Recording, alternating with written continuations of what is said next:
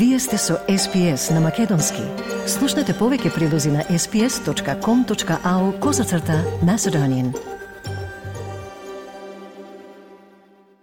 Во овој билтен воведени се строги ограничувања на продажбата на алкохол во северната територија. Според нови податоци, австралиците губат повеќе пари на покер машините и покрај зголемените трошоци за живот. Председателот на Македонското собрание вели дека изборите нема да го решат проблемот со немање мнозинство во парламентот за уставни измени. И по избивањето на корупцијски скандал, низа високи функционери на украинската влада поднесоа оставки. На СПС на Македонски следуваат вестите за 25 јануари 2023 година. Јас сум Ана Коталеска.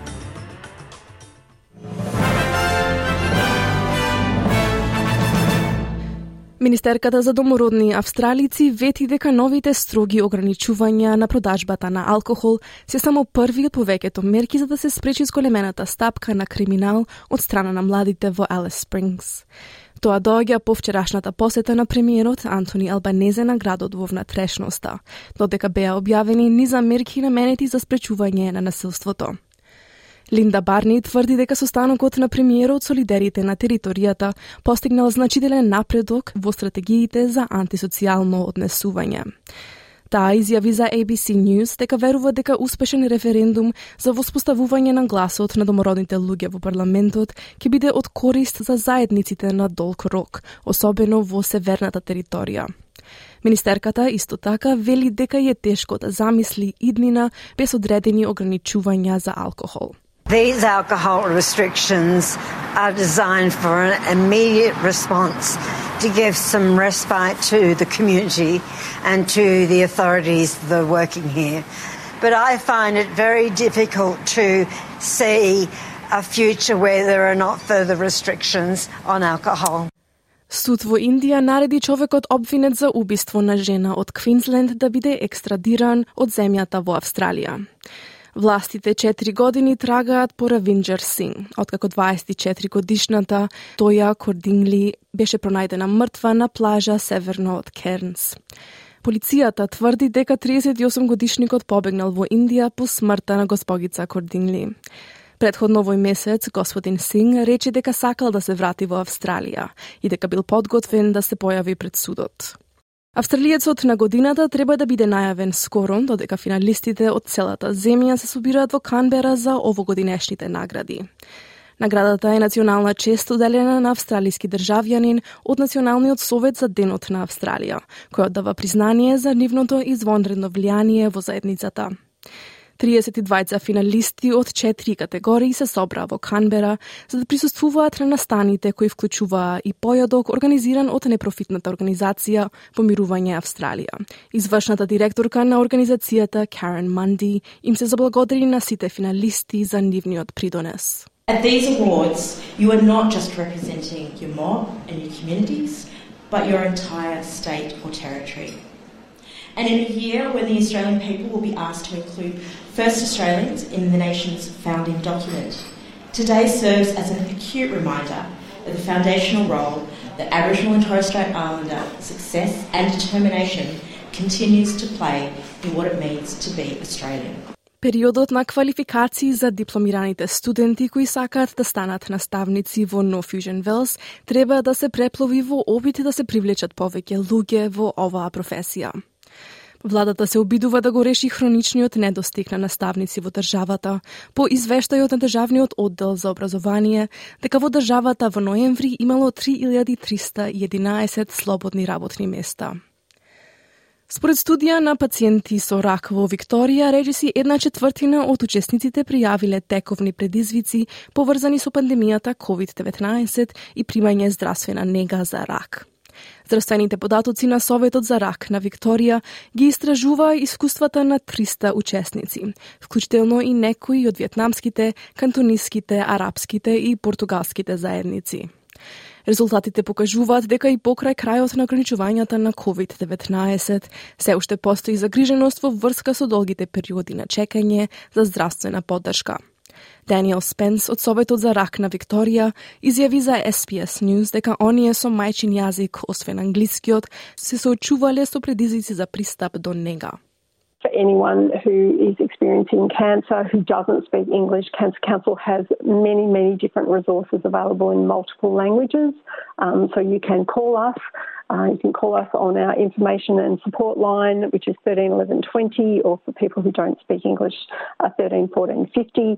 Нови податоци објавени од Liquor and Gaming No Fusion Wells покажуваат дека луѓето низ државата губат повеќе пари на покер машините во клубовите и пабовите и покрај зголемените трошоци за живот. Податоците откриваат дека загубите од последните три месеци од минатата година изнесуваат речиси 2,2 милиарди долари. Ова е зголемување од речиси 2,5 милиони долари дневно во споредба со предходното тромесечие. Извршниот директор на Wesley Mission, Рев Стю Камерон, повика на поголема транспарентност и вели дека ова треба да биде клучно прашање на наредните државни избори. Владината агенција Safe Transport Victoria започна нова кампања со која ги повикува луѓето да бидат разумни, подготвени и предпазливи кога се на море или на вода ова лето.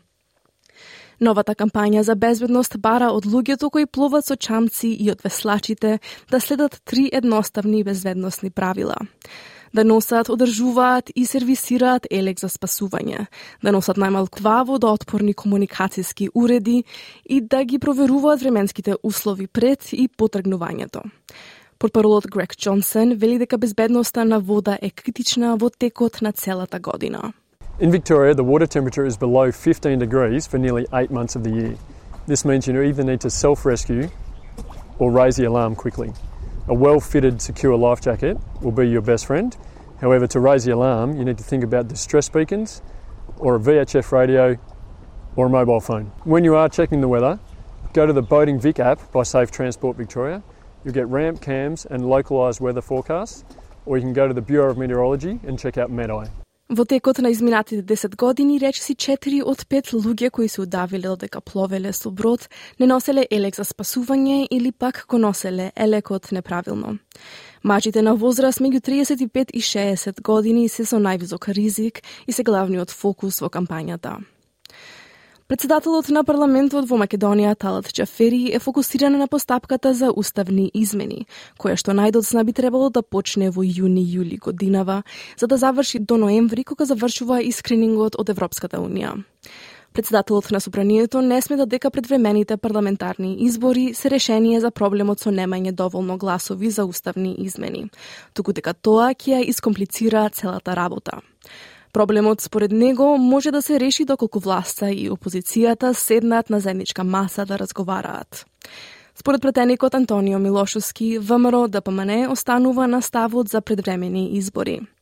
Председателот на Демократскиот сојуз Павле Трајанов околу можното проширување на парламентарното мнозинство порача дека ќе поддржи реконструкција на владата, но само доколку се обезбеди соодветна и правична застапеност на сите етнички заедници. Пратеничката и председателка на Либерално-демократската партија Моника Зајкова вели дека од програмските цели зависи дали ќе подржат влесна алијанса на албанците во владината коалиција. Низа високи функционери на украинската влада поднесоа оставки по избивањето на корупцијскиот скандал среде руската инвазија на земјата.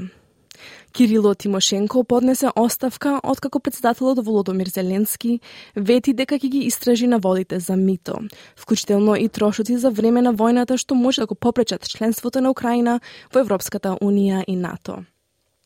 Заменик министерот за одбрана и заменик јавниот обвинител исто така поднесоа оставки поради поврзаност со скандали. Серхи Бочкарев, кој живее во Украина, вели дека корупцијата, особено во услови на војна, е неподнослива.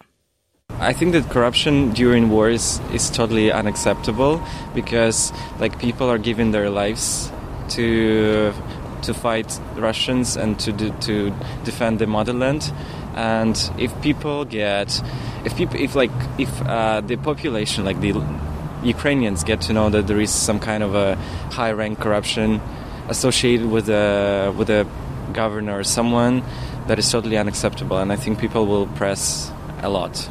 Минатата недела во домот на поранешниот подпредседател на Соединетите Американски држави Майк Пенс во Индијана беа откриени доверливи документи. Представникот на Пенс, Грег Джейкоб, го објави ова во писмо пратено до Националниот архив на 18 јануари, во кое се вели дека мал број доверливи документи биле ненамерно спакувани и транспортирани во томот на поранешниот подпредседател на крајот на председателскиот мандат на Доналд Трамп. Тој тврди дека господин Пенс ја разбира важноста на чувствителните и тајни информации и дека не знаел дека документите се наоѓале во неговиот дом.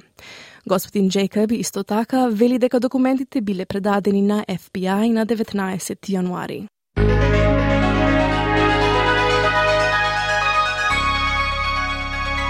Од најновата курсна листа денеска, еден австралиски долар се менува за 0,64 евра, 0,70 американски долари и 39,36 македонски денари додека еден американски долар се менува за 56,22 македонски денари, а едно евро за 61,16 македонски денари. И на кратко временската прогноза за главните градови за утре, четврток 26 јануари. Сончево во Перт 32 степени, 29 за Аделаид претежно сончево. Делумно облачно во Мелбурн 22, слично и за Хобарт, делумно облачно 21 степен. Делумно облачно во Канбера 32 степени, идентично и за Сиднеј, делумно облачно 32.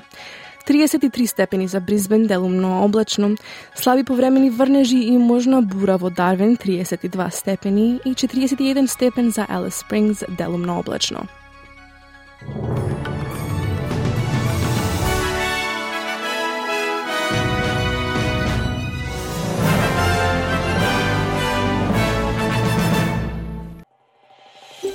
Сакате ли да чуете повеќе прилози како овој? Слушате подкаст преку Apple Podcasts, Google Podcasts, Spotify или од каде и да ги добивате вашите подкасти.